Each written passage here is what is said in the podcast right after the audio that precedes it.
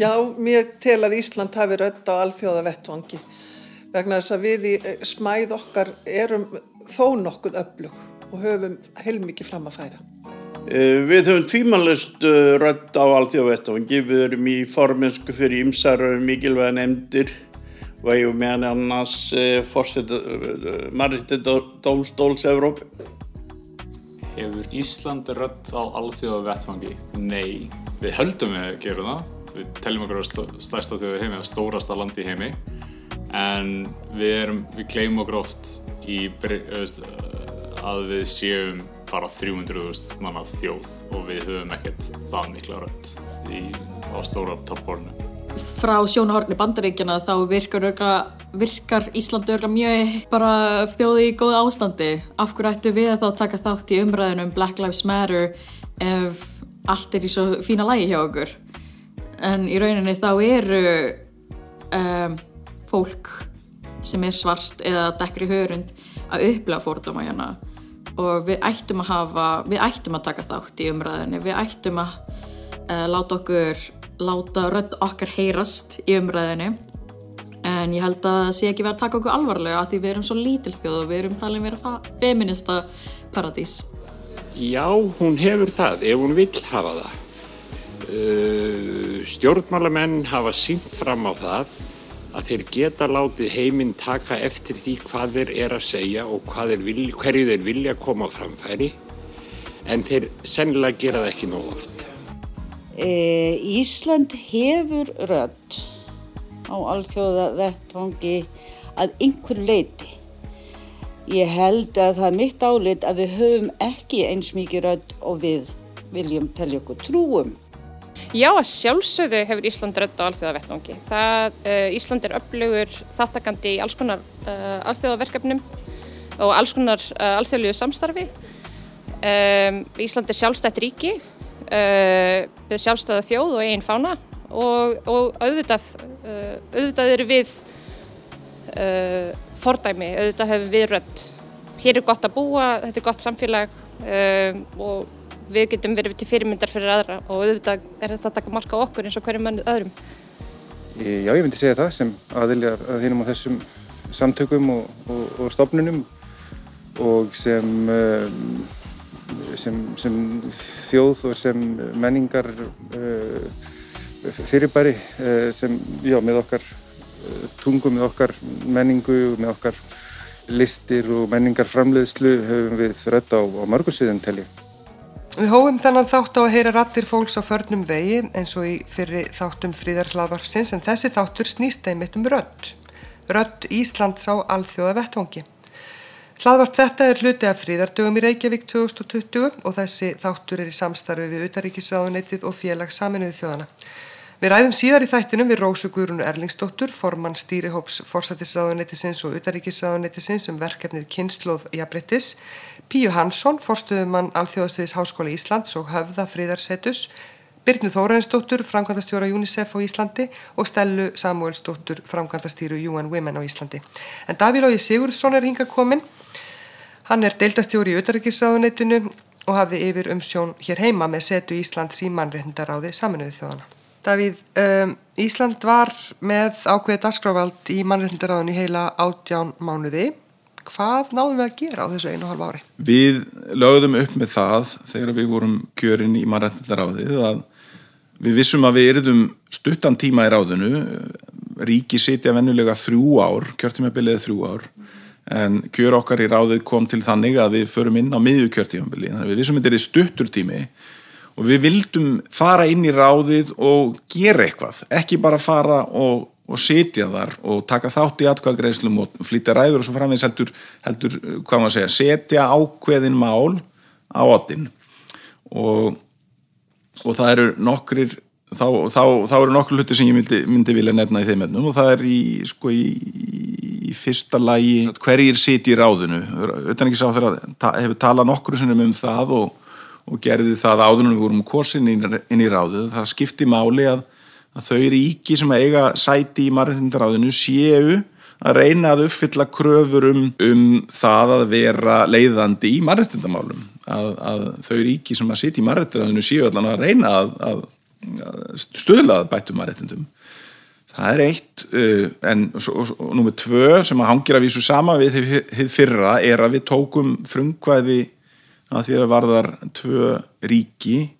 Við tókum frumkvæði með því í mars 2019 að flytja ávart fyrir hönd 36 ríkja um mannréttind ástand í Sáti-Arabíu og það taldist til tíðinda vegna þess að Sáti-Arabíu hafði aldrei áður verið það hafði aldrei áður verið fjalla með þeim hætti um Sáti-Arabíu í mannréttindaráðinu og notabene Sáti-Arabíu hefur átt sæti í mannréttindaráðinu til lengri og skamstíma e, og á þessum tíma eins og við þekkjum e, hafði mál e, Jamal Khashoggi verið mjög í hámæli.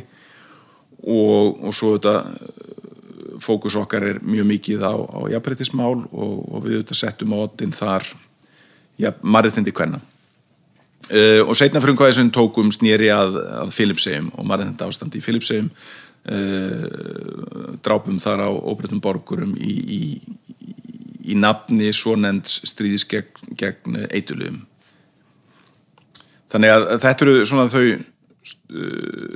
stóru málinn sem við tókum upp og settum á dagskrá og ef við tölum um sagt, hver er árangurinn af þessu? Já við, við liftum í tilfelli sátt í Arabíu liftum við uh, máli sem var brínt að lifta en menn höfðu ekki lagt í að lifta uh, og, og áhugart að segja frá því að síðan við fluttum þessa, þetta fyrsta áarp þá hefur sambæralegt áarp verið flutt tvívegis aftur. Og nú síðast já, sem sagt, í, fyrir, af áströlum í, í september í fyrra og svo núna af dönum sem að sitt í margættiráðinu um þessar myndir Þú ert búin að vinna í auðverkisræðundinu núna í tæplega nýju ár já. og hér eru við í hlaðvarpsþáttum sem að fjalla mestu leiti um frið og þú ert líklega búin að fara á, á heitna, margar ráðstefnur, marga fundi í Erlendis, það sem er verið að tala um margætindi frið og svo framvegis. Hvað, akkurat núna, hver eru stærstu áskorunir í friðamál í heiminum? Uh, við leggjum alltaf áherslu á til dæmis uh, að þeirra talaði sig um frið að þá skipti máli að allir taki þátt í samtali um frið og þar leggjum við sérstaklega áherslu á, á hlut kvenna. Það vil oft vera þannig að það sem eru háð stríð að það eru karlar í, í fararbrotti og svo þarf meðan alltaf semja um frið eftir átök að þá, þá er það karlarnir sem semja og rattir kvenna vantar þannig að málflutningur okkar og áherslur okkar e, mótast gjarnan af þessu. Þetta er svona e, það má segja að þetta sé orðin ákveðin rútína að, að tala fyrir þessum sjónamiðum sko aðalfrængtastöru saminuð þjóðana var að lýsa áökjum af því að, að við værum að stefna í einhvers konar nýtt kallt stríð. Það er að segja að það eru það er ágreiningur stóruveldana sem að sem að maður auðvitað hlýtur að hafa ágjur af í sko stóru myndinni. Svo þetta kannski ef við fyrir að tala um staðbund, staðbundin átök eða, eða hérna, svæðisbundin átök kannski eru alltaf einhver tiltekin atriði sem að spila þær inn í en ef við horfum í stóru myndina þá svona eru það þetta þessi tilneig núna upp á síðkastið þar sem að sko e, svo samstaða sem hefur ríkt um til dæmis samanur þjóðnar í 75 ár að það er svona eru, eru ákveðin teikna lofti þar sem að maður hefur ágjur af og, og smá ríki sérstaklega hefur ágjur af því að við auðvitað höfum mjög sko saminuð þjóðunar og samstarf þjóða í samstarf, í fjöl, á fjölþjóða grunni skiptir okkur svo miklu máli Eh, og önnur lítilriki. Hvað er framöndan? Nýja afstæði hjá okkur núna er, er leittóka vika allsýra þings saminuð þjóðana þar sem að menn til dæmis uh, held upp á 75 ára amali saminuð þjóðana uh, Jafnframt er nýja afstæðin uh, fundarlota í margættiðaráði saminuð þjóðana þannig að það má segja sko í, í ef við horfum í stýttri framtíð þá erum við ný komin í gegnum svona stóru verkefni. Um, en framundan ef við horfum til nokkus tíma Ísland uh, Ísland er nú sem stendur og fram í mæja á næsta ári í fórustu fyrir uh, hérna Norðurslóð Norður hérna Norðurskjöldsráði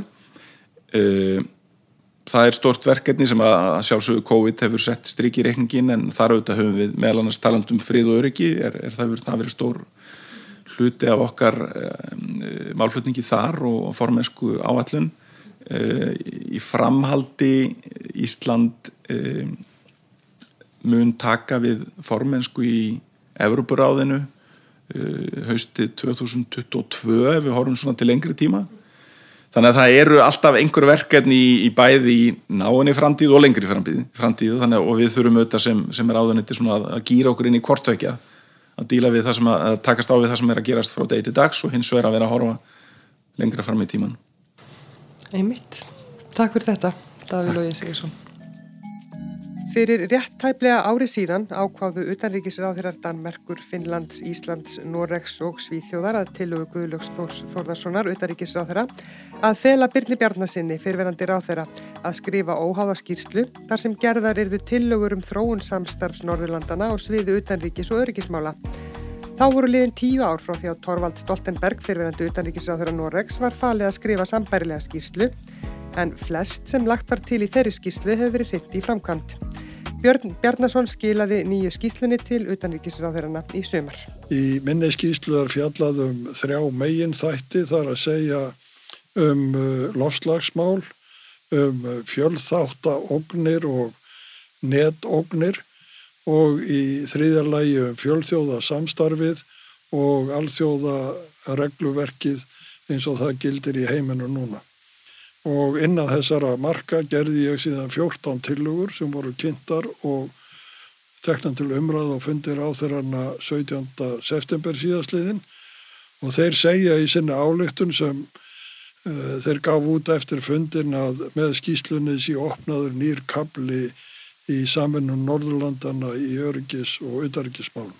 Já, norræna samstarfið í auðaryggis og öryggismálum hefur það að yfirlýstu markmiði sínu að stuðla friði því að Norðurlöndin er í eðli sínu mjög friðsamar þjóðir og þessa tillögur eins og ég sæði fjalla um þessi þrjú megin svið svið sem falla ekki undir varnarmáli sjálfu sér eða öryggismáli þrengsta skilningi en eru mjög mikilvæg þegar lítið er til heimsfriðar að menn eh, eh, nái sáttum um lofslagsmál menn átti sig á hættunum sem er að finna í netheimum og að fjölþjóðakerfið og alþjóðarsamstarfið þróist innan alþjóðar laga. Þannig að ég tel að allar þessar tillögur stuðli að friði og síðu til þess fallnar að ebla heimsfriðin fyrir utan að megin gildin sem er á bakin norrænu samstarfi þar að segja líðræði, réttaríkið, virðing hverju marréttindum allt stöðlar þetta friði. Já, ég vil nú ekki gera upp á milli þessara 14 tillagna en þær eru vega mis þungt má segja þegar lítið er sérstaklega á fríðarmarkmiðin en það er mjög spennand að sjá hvað Norðurlöndi leggja mikla áherslu á fjölþjóðarsamstarfið og norska ríkistjófnin gaf út í fyrra mjög ítalega skýslu um fjölþjóðlegt samstarf þar sem fjallað er um leiðir til þess að ná þessum fríðar markmiðum sem ríkin hafa sett sér. Og ég held að hlutverk Norðurlandana í alþjóðarsamstarfinu sé í sjálfu sér fríðar hlutverk þannig að því fleiri að þessum tillögum sem á fram að ganga þeimun betra fyrir heimsfriðin. Og við höldum áfram Í fjórða þætti, fríðar hlaðvarpsins, en yfirskrift hans er rödd Íslands á alþjóða vettvangi og næstu mínútur ætlum við að tala við Rósu Guðrúnu Erlingsdóttur, hún er formaður stýrihóps fórsættisraðunnitisins og utanríkisraðunnitisins um verkefnið Kynsloð Jafnbrettis. Bæði sæl og verður velkomin. Já, takk. Kynsloð Jafnbrettis, þetta verkefni, hvorki meirinni minna, þetta er, þetta er falluðu titill. Um? Já, takk fyrir það. Við hérna þetta var bara tíðing sem að við uh, lögðum í bara sjálf hérna, ennbætsmenninu þannig að við getum verið bara stolt af henni mm -hmm. en uh, það heitir á enska tungu Generation Equality Forum og er stærsta verkefni UN Women jafnbryttstofnuna saminuðu þjóna sem er mitt á tíu ára ammali mm -hmm. á þessu ári uh, það var blásið til þess til þess að halda upp á 25 ára ammali framkvæmdar áætlunar sem kend er við Peking og Peking ráðstefnuna sem að var fjórða ráðstefna saminuðu þjóðana um málefni hvenna uh, árið 1995. Svo fyrsta var haldin í Mexiko árið 1975 og þá var blásið til hvenna áratugar saminuðu þjóðana og uh, sem að hafiði nú ekki lítil áhrif hér á landi og það er kannski skemst að minnast hvenna frítagsins mm. Sem að voru stæstu mótmæli Íslandsögunar mm -hmm. lengi framan af ef ekki bara enn þann dag í dag. En uh, þetta verkefni það á standa í fimm ár til ársins 2025 og er sem sagt fyrst og fremst ætlað að uh, setja aukinn kraft í samstarf á sviði jafnbryttsmála til að auðvelda aðeldaríkjónum að vinna að jafnbryttsmálum mm -hmm. en uh, staðarindin er svo að, uh, að ríki heims eiga hvað lengst í land með að ná árangri uh, hvað varðar uh, markmið nummið 5 af öllum heimsmarkmiðunum 17 yeah.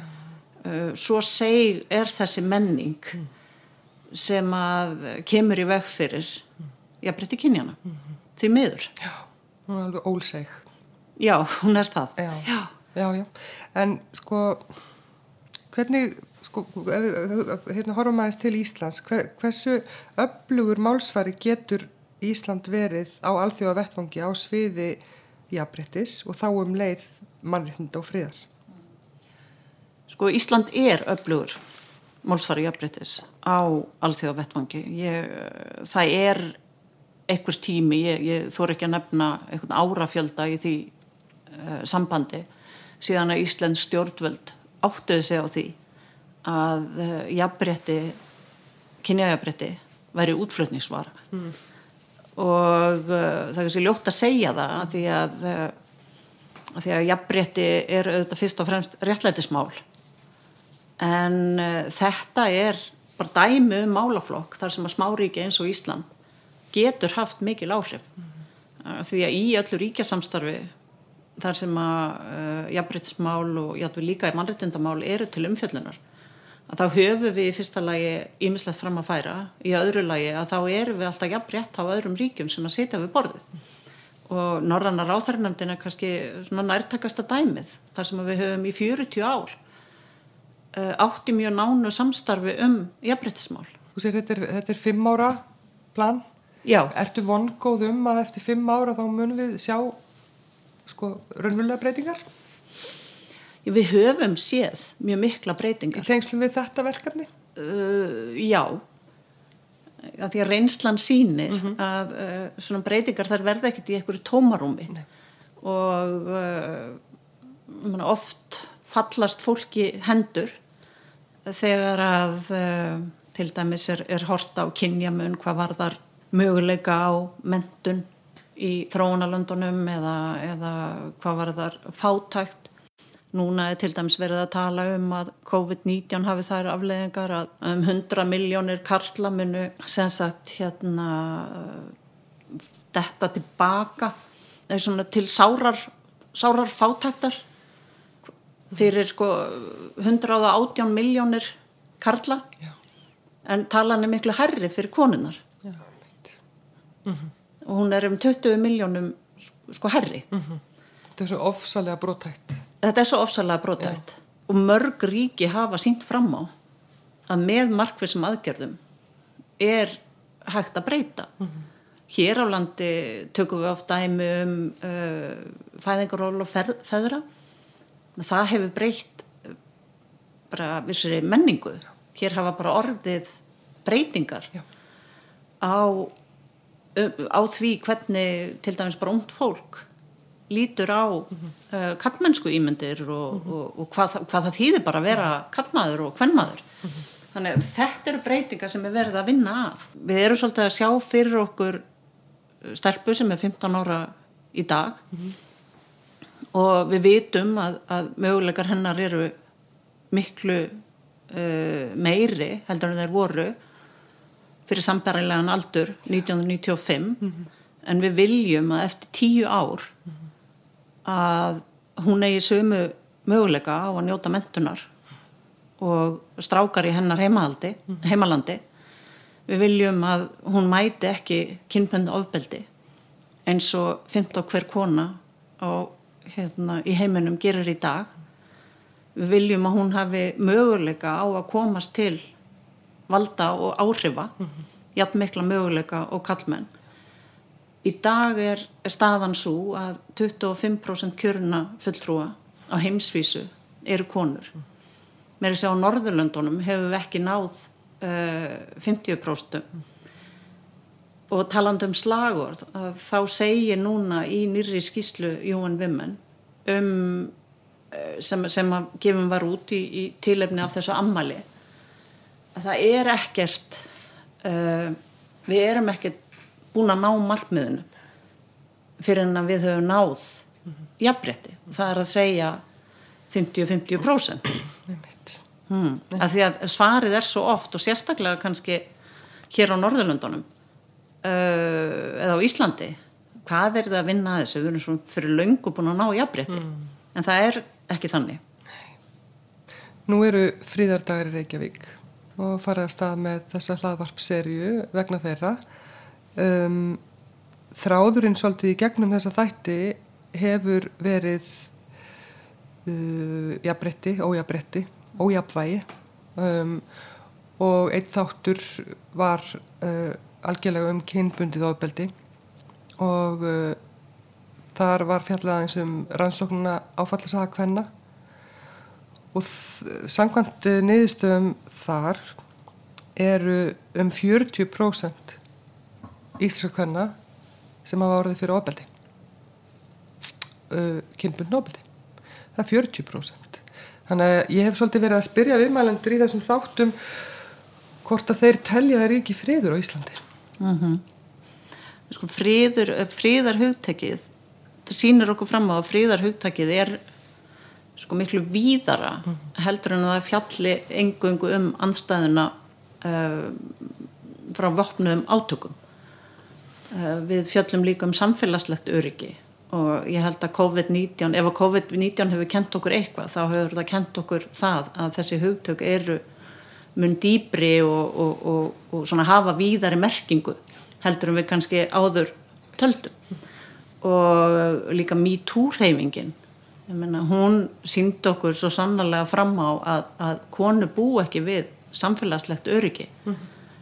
svo lengi sem að það er búa við uh, hættuna á ofbeldi mm -hmm. inn á sínum heimilum á, á, á sínum gríðar stað og það er alltaf ágætt að, að nota tölur í þessu samhengi hérna árið 2017 uh, voru 80.000 konur myrtar í heiminum 58.000 þeirra voru myrtar af þeirra nánustu það er að segja af aðila sem átti í nánu sambandi við þær ég held að almenningur átti sig ekki alltaf á því hvað þetta eru rosalega stóra tölur mm -hmm.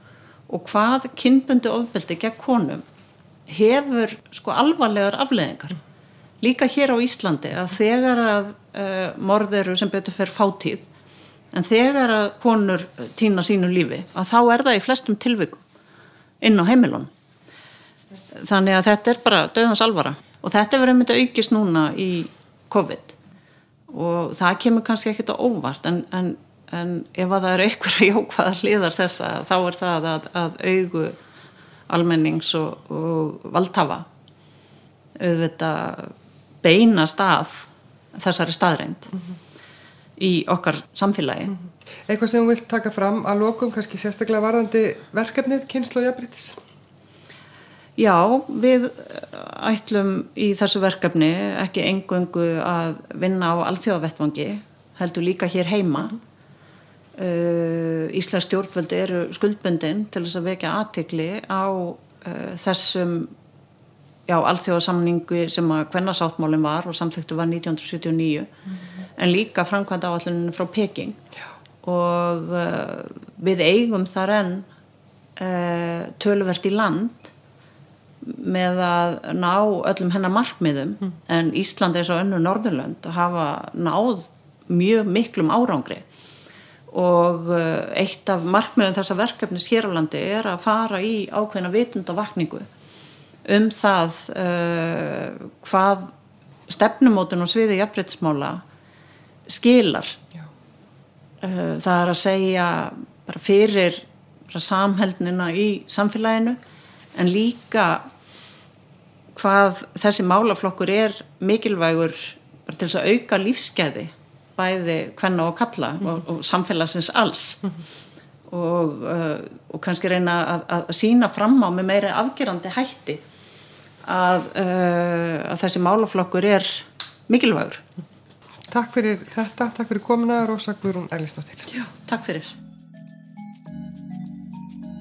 Og við höldum áfram með fjórða þátt fríðar hlaðvarpsins en yfirskrift hans er Rött Íslands á alþjóða vettfangi og næstu mínutur ætlum við að tala við Píu Hansson um möguleika smerri ríkja til að hafa áhrif á alþjóða vettfangi. Píja er forstöðumæður alþjóðamálastofnunar Háskóli Íslands og höfða fríðarsettus. Velkomin. Takk fyrir. Hversu mikið getur Ísland í raun haft áhrif til góðs á alþjóða vettfangi? Við höfum í rauninni séð mörg dæmi um hvað Ísland getur gert á alþjóða vettvangi og, og kannski ekki síst hins síðari ár þar sem ég held að Ísland hafi kannski stíða eins fastar inn og, og það sem manni sínist vera vissu leiti um, ný leið sem við erum að reyna að feta að vera einn sterkari rödd fyrir mannréttundum og ímsum öðrum hlutum. Við höfum séð þetta gerast, við höfum séð þetta byrtast til dæmis í því að uh, stíga inn og vilja taka sæti í mannréttundaráði saminuðu þjóðana uh, og uh, svona almennt séð að skerpa á okkar áherslum og gera okkur grein fyrir því að við getum ekki verið allstaðar og, en það eru viss mál sem að við getum lagt til og bætt við og þar hafa náttúrulega jafnbrettismálinn verið mjög ábyrjandi og, og mér sínist eins og ég segi svolítið svona eins og í Íslenskri utaríkistefnu núna og í alþjóðastarfinu sem við erum að taka þátt í sem verið að leggja upp með að við höfum líka hlutverki að sinna í mannrettindabaróttu almennt og við höfum virkilega uh, farið fram fyrir sköldu í mörgum málum. Þannig að já, við getum sannlega haft áhrif og eigum auðvitað að reyna að gera það. Getum við kannski einmitt vegna smæðarinnar sett mál á dasgrá sem starri ríki þór ekki eða ger ekki mál sem kannski jafnvel þöggun umlikur?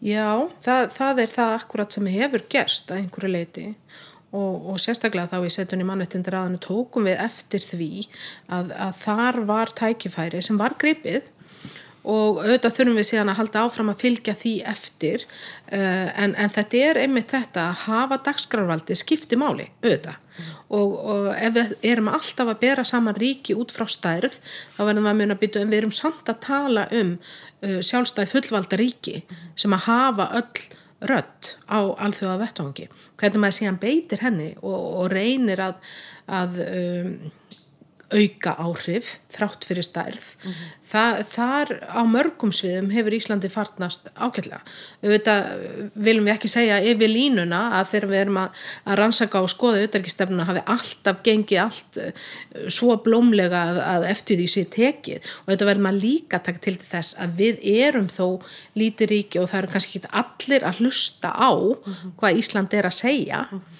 En, en með því að taka þátt í alþjóðastarfi að vera partur af þessu, uh, þessu kerfi öllu saman og stíga fram þegar til okkar er leitað og sækast jafnvel eftir því og reyna þá að fara þetta vel fram fyrir skjöldu í þessu málum. Þetta er eitthvað sem er svona kannski tiltulenn í tilkomið í Íslenskri utaríkstefnu en virðist samt vera að styrkjast mjög. Já jafnbrettiði, segiru, mannreitndi, þetta er allt mál sem tengjast friði. Þess að þar sem að eru uh, alvarleg mannreitndabrót og þau, þau eru algeng og þar sem er mikið ójafnbretti, þar er ófríður. Það bara, það bara segir sér sjálft. En hvaða áhrif getur þá Ísland haft í svona, þessu alþjóða kerfi þegar kemur um þetta að því að sportna sko, gegn ofbeldi á heimsvísu?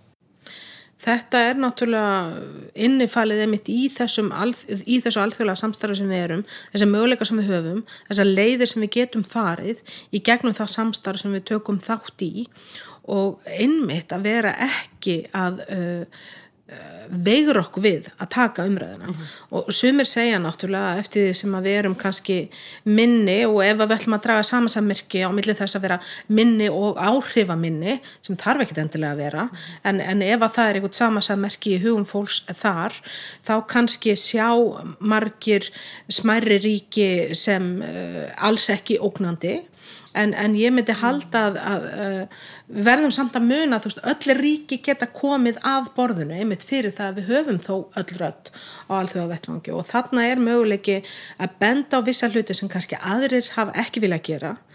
Kannski sögum uh, viðskiptatengsla kannski vegna einhverja sögulegra tengsla um, þannig að þarna er líka tækifæri til þess að vera þessi rödd og, og uh, það væri það er gaman og spennand að fylgjast með hvað er að gerast í auðverkstefnu Íslands núna því ég held að það sé viss pólitísk samstæða um alþjóðastarfi, kannski meiri og öðru vísi heldur en um margt annað sem við erum að gera mm -hmm.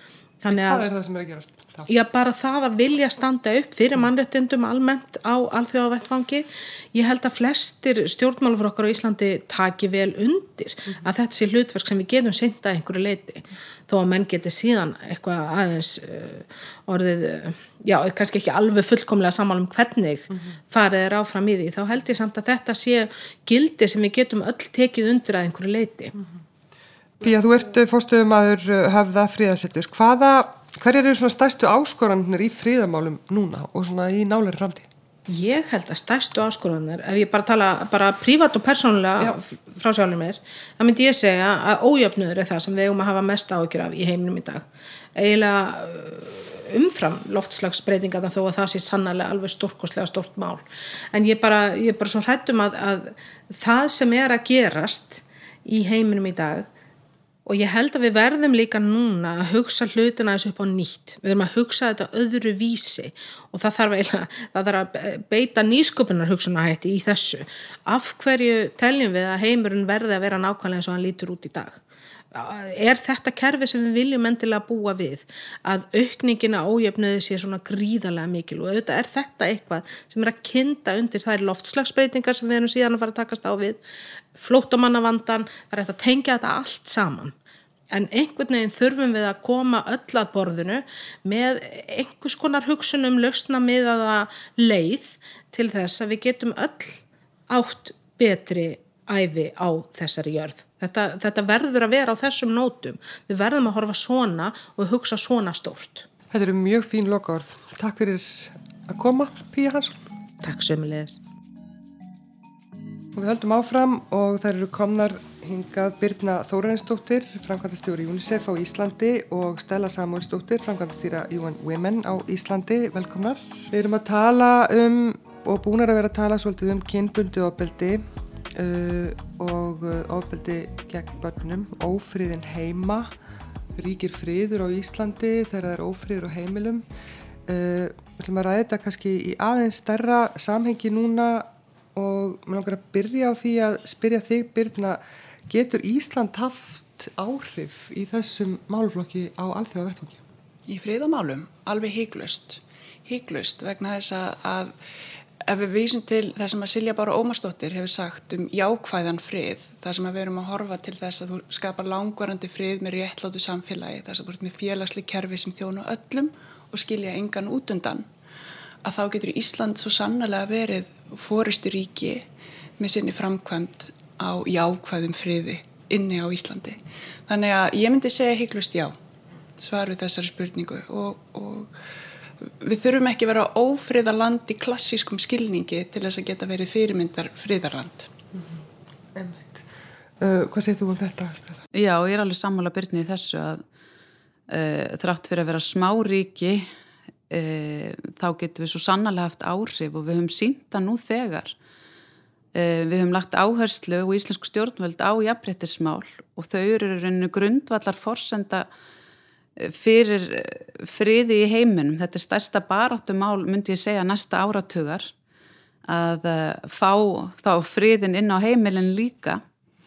Eh, það er búið að stækka þetta hugtak í það að ná utanum sagt, bara almenn mannréttindi og sagt, ásættanlega lífsgæði á heimsvísu og þáttaka okkar í mannréttendaráði saminuð þjóðana síndi það að Ísland getur haft áhrif og það er hort til þess sem það gerir sem smáríki, tekur á dagskrá í með smálefni sem kannski aðra þjóðu gera ekki. Það er hort á þetta af mannréttendasamtökum og græsrótinni sem skiptir miklu máli og gefur Íslandi trúverðuleika um, og hérna 1325 sem er áallin öryggisásin sem konur frið og öryggi þar höfum verið líka stórir þáttakandur með því að styðja við fátakaríki heims eins og Malawi, Mosambík, Afganistan í að innleiða aðgerðar áallanir sem uh, gangi út á það að bæta, bæta þessi mál. Uh, þannig að við getum svo sannala að gert það. Og núna kannski síðasta nýja verkefni Íslands er uh, þetta verkefni Jafnbrettis kynnslóðin sem Ísland leiðir á samt fleiri aðeldaríkjum. Þetta er verkefni á vegum UN Women sem gengur út á það að um, þetta fari aðgerðir sem munu vera umbreyndandi á heimsvísu og það að Ísland ákveði að taka fyrir aðgerðabandalag um kynbundið ofbeldi er ótrúlega stert og djart uh, því að þetta er eitthvað það verkefni sem okkur kannski hefur gengið síst að uh, laga hér á Íslandi þrátt fyrir að hafa gert margt gott, gott þá eru við bara á sama stað og önnur lönd á heimsvísu. Varðandi það eina hverjum þreymur konum verður fyrir kynbundna ofbeldi. Og mér finnst það djart og það er hort til þess frá græsrótinu og feminískum samtökum út um allan heim hvað Ísland gerur og þú er að gera.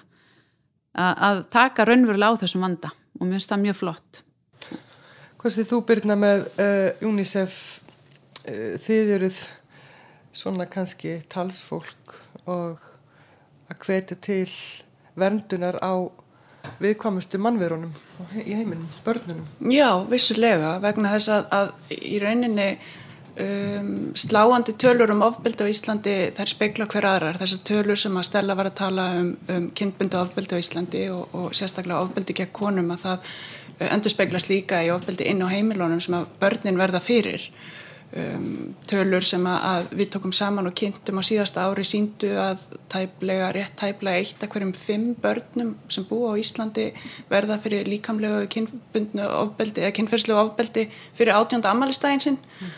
og ég held að það sé ekkit margi sem átti sig á því hvað þetta er mikill fjöldi og þannig erum við ekki að tala um vanrækslu, andleitt ofbeldi eða eineldi mm. Eh, þannig að tölunar í rauninni eru miklu uh, stærri og þær koma inn á þetta að friðarhugtakið, hvar býr friðurinn? Og við sjáum tölur sem sína okkur að friður býr ekki inn á öllum íslenskum heimilum. Þau eru átakasvæði, mörg hver og það hefur aukist núna í COVID. Og þess vegna skiptir svo opaslega miklu máli þessi djörfung sem Stella talaði um áðan að þóra að horfast í augu við þessi vandamál og takast á við þau og ég held að við getum tekið verið sammála um það að, að umræðan á Íslandi hefur breyst mjög mikið á frekar stuttum tíma. Fréttinnar sem við erum að sjá eru miklu meira upplýsandi, við fáum miklu meira í tölfræði, við sjáum að yfirveldur að grýpa miklu meira og betur inn í þessi mál. Þau eru erfið og það er óþægilegt að takast á við þau. Það verður aldrei af máluflokknum tekið en það verður ekki uh, þetta verður ekki bætt nema við þórum að gera það við þórum að stíðin í óþægilega og erfið og jafnvel kostna þessum verkefni mm -hmm. til þess að, að ebla frið og friðsældin og íslenskum heimilum og með því að sína við þórum að við það hér á landi að þá sínum við öðrum ríkjum hvernig hægt að gera það þó að það sé erfitt. Mm -hmm. Við þórum að vera málsvarar kynjaðabrittis jáfnvel þó að við séum með skjálfilega tölfræði um ofbeldi gegn konum og ofbeldi inn á heimilum á Íslandi. Við þórum að takast á við það, við þórum að vera kynntilberar og ég held að þetta skipti ofsalega miklu máli fyrir önnu ríki og hjálpar þeim að takast á við þöggunina sem ríkir um hennar máluflokk og þá sérstaklega um, gagvart börnum sem að, að e, e, geta ekki hönd fyrir sér veitt. Hvað með alþjóðarsamfélagi, getur það gert eitthvað fyrir Ísland í þessum málvökum um byrjuð þýrstæli?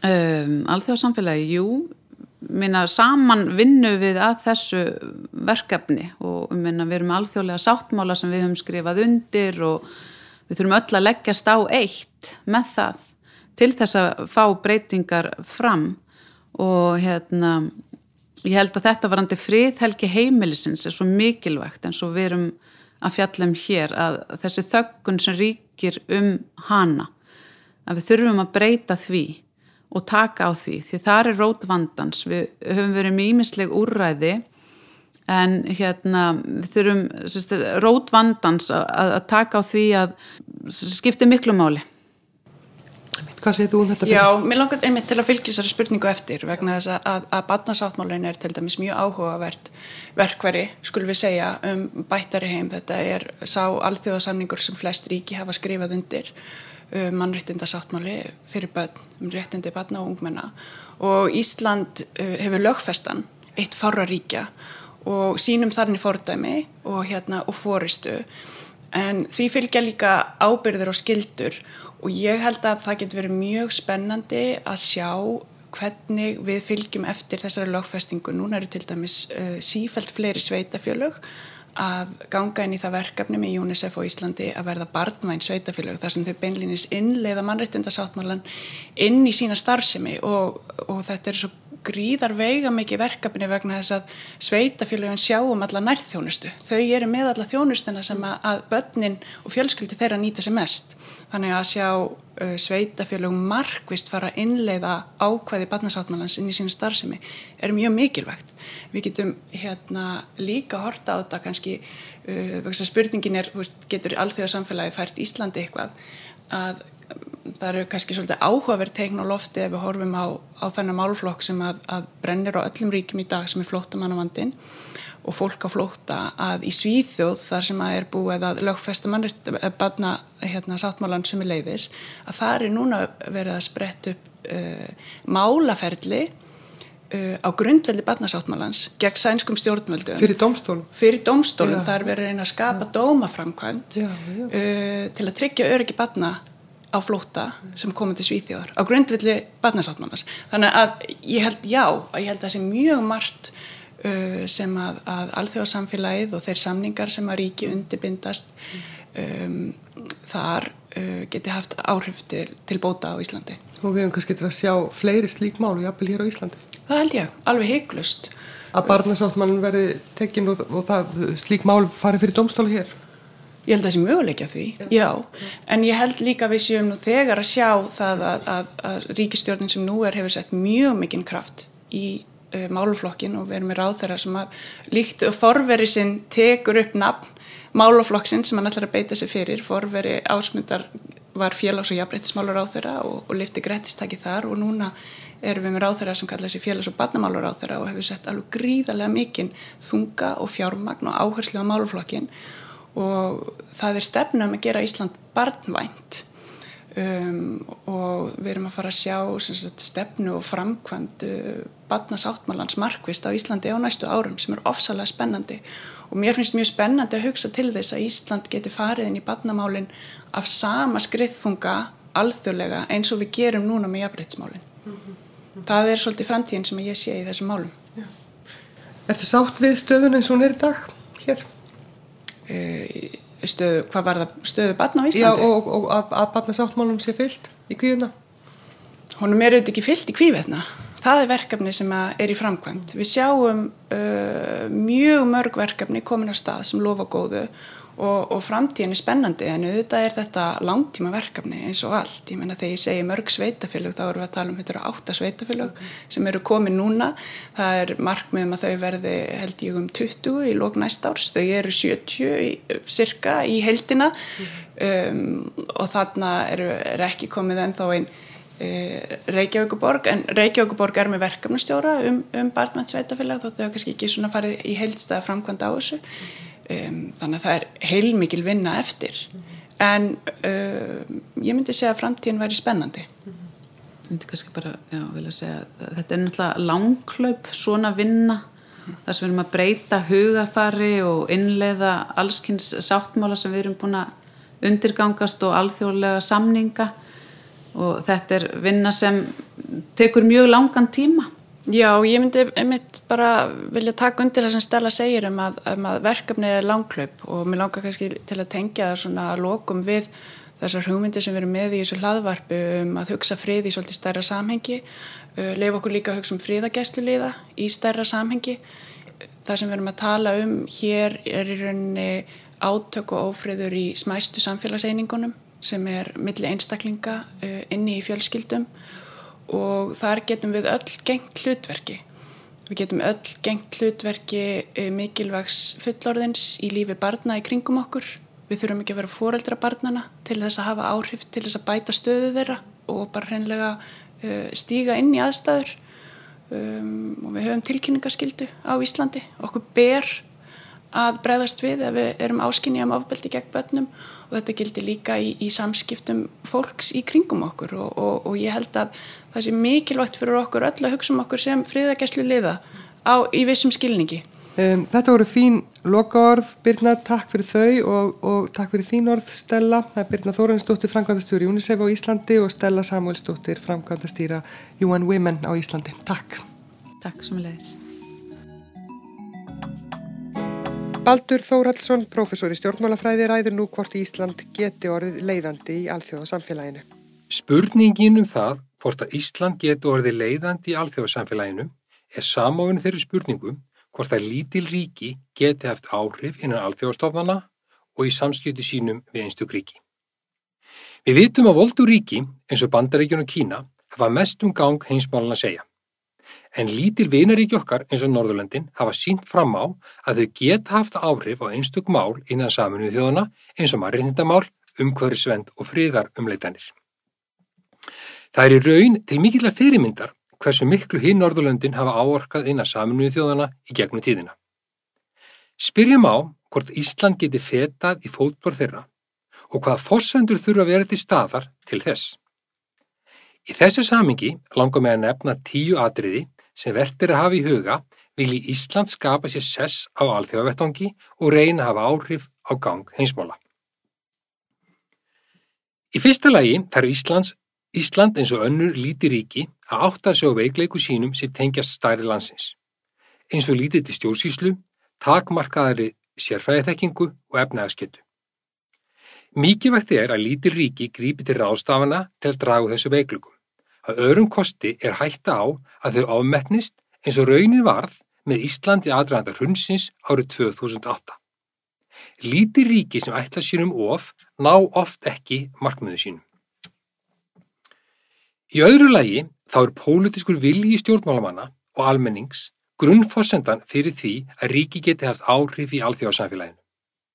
Ráðamenn verða að vera reyðubúnir að verja tíma og fjármunum til verksins. Ef stjórnmálamenn trúa því ekki að þeir geti haft áhrif innan alþjóðastofnana eða í samskiptu sínum við stærri ríki, þá er hætta á að þeir reyna ekki einu sinni að láta til sín taka og ef þeir reyna það, þá er hætt við að þeim mistakist. Vantrú einstakra íslenska ráðamanna á getu Íslands til að ná kjöri til öryggisráð saminuð þjóðana árið 2008 og á að Ísland gæti eftir áhrif innan rásins er ein ástæða þess að frambóð Íslands misefnaðist. Stjórnmálmenn þurfa líka að vera viljur til að takast á þar áskoranir sem felast í því fyrir land og þjóð að gaggrina stjórnvöld annara ríkja fyrir brota mannréttundum. Í þrýja lagi þá þurfa lítir ríkja forgansraða. Þau þurfa ákveða hvaða mál eða málaflokka þau vilja einblina á. Farsælast er að forgansraða mjög stíft. Velja þar málaflokka eða málaflokk eins og til dæmis marrindamál eða umhverfismál. Innan þessara málaflokka er síðan mikið vegt að forgansraða enn frekar og leggja til dæmis áherslu á marrindi kvenna, barna og eða marrindi hins eginfólks. Í fjórðalagi er yfirgrifst mikil þekking innanlands á þeim málaflokkum sem Ísland vil leggja áherslu á í alþjóðsamfélaginu eina fórsöndu þess hægt sé að hafa áhrif. Mikið vægt í þessu samingi er að ebla sérfræði þekkingu innan stjórnsýslunar. Mikil þekking og reynsla er þegar til staðar varandi mannréttindamál innan auðvitaðrækistjónustunar eftir setu Íslands í mannréttindaráði saminuð þjóðana. Mikið vægt er að viðhalda þessari þekkingu og styrki enn frekar ef Ísland ætla sér að verða leiðandi í amvarkuðum málaflokkum eins og í mannréttindum hins eginn fólks svo dæmi sé tekið. Þetta er hægt að gera með því að halda áfram virkri þáttöku í umræðum með mannréttindamál á vettvangi saminuði þjóðana og leggja fram álíktanir í mannréttindaráðinu, en ríkið þurfu ekki eiga sæti til þess að gera það. Þetta gæti verið, verið góður undibúningur fyrir frambú Íslands til ráðsins fyrir kjörtjæðanbili 2025 til 2027. Í fymta lagi er mikilvægt að Ísland vinni náið með frjálsum félagasamtökum og stopnunum hér á landi sem á Erlendis sem vinna marrindamálum. En það er augljóslega málaflokkur sem íslenski stjórnmálamenn vilja leggja áherslu á. Náið samstarf við frjáls félagasamtök og stopnanir sem sérhafa sér tildeknum málum eins og réttindu kvenna getur gefið sérfræðingur ráðanetta einstaka sín inn í hulin heim misbeitikar valds skakvart konum og skorts kvenna á tækifærum. Samstarf stjórnvalda við þessa aðela getur skapað tækifæri fyrir Ísland að setja mál á dasgrá í alþjóðsamfélaginu. Í sjötta lagi þá er mikið vakt að íslenski sérfræðingar hafi öðlast þjálfun í samningatækni í alþjóðamálum þannig að þeir geti tekið frumkvæði í samningaviðræðum og gengt leiðtóðarluturki.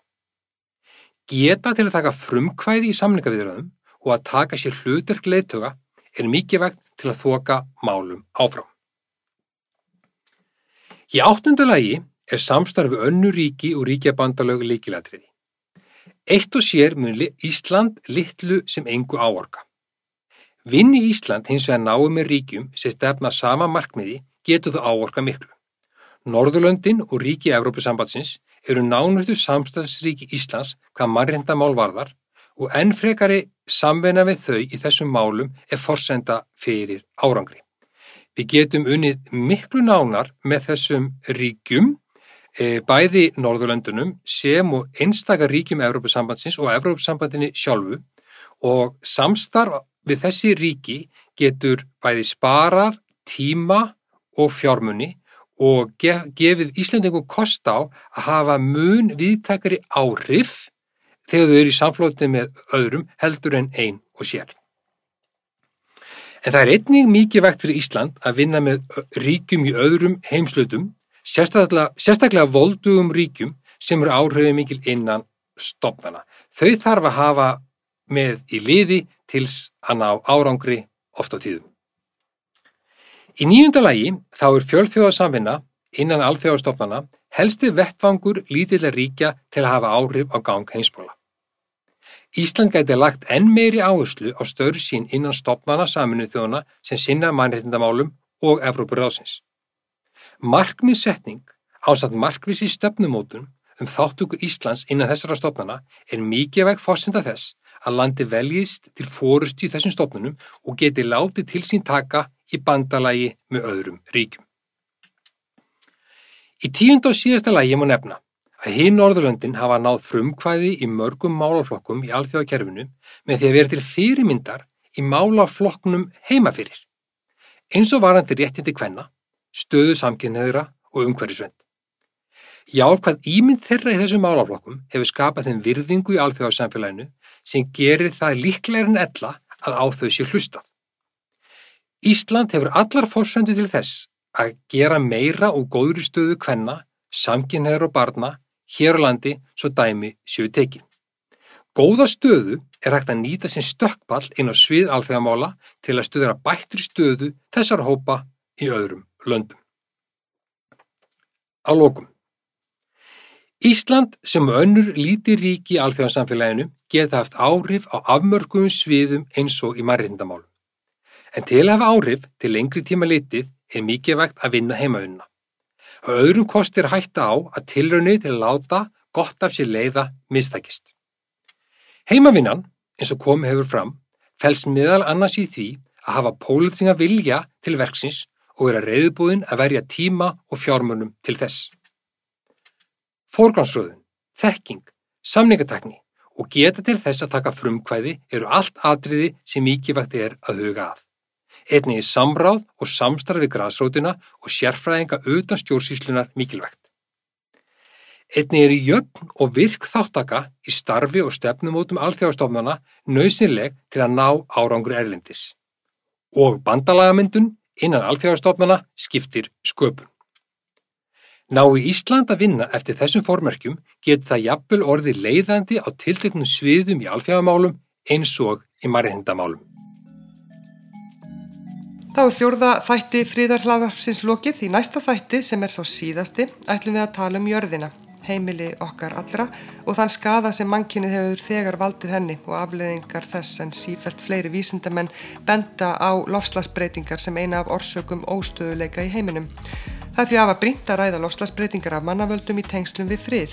Hafdís Hanna Ægistóttir, verkefnastjóri hjá stopnun Sæmundar Fróða um sjálfbæra þróun, Þorgeru Marja Þorbjarnadóttir, formaður ungra umhverfið sinna og Alli Viðar Torstensen, sviðstjóri hjálpar og mannúðasviðs Rauðakross Íslands koma í síðasta þátt fríðarhlaðvarpsins til að ræða um jörðina.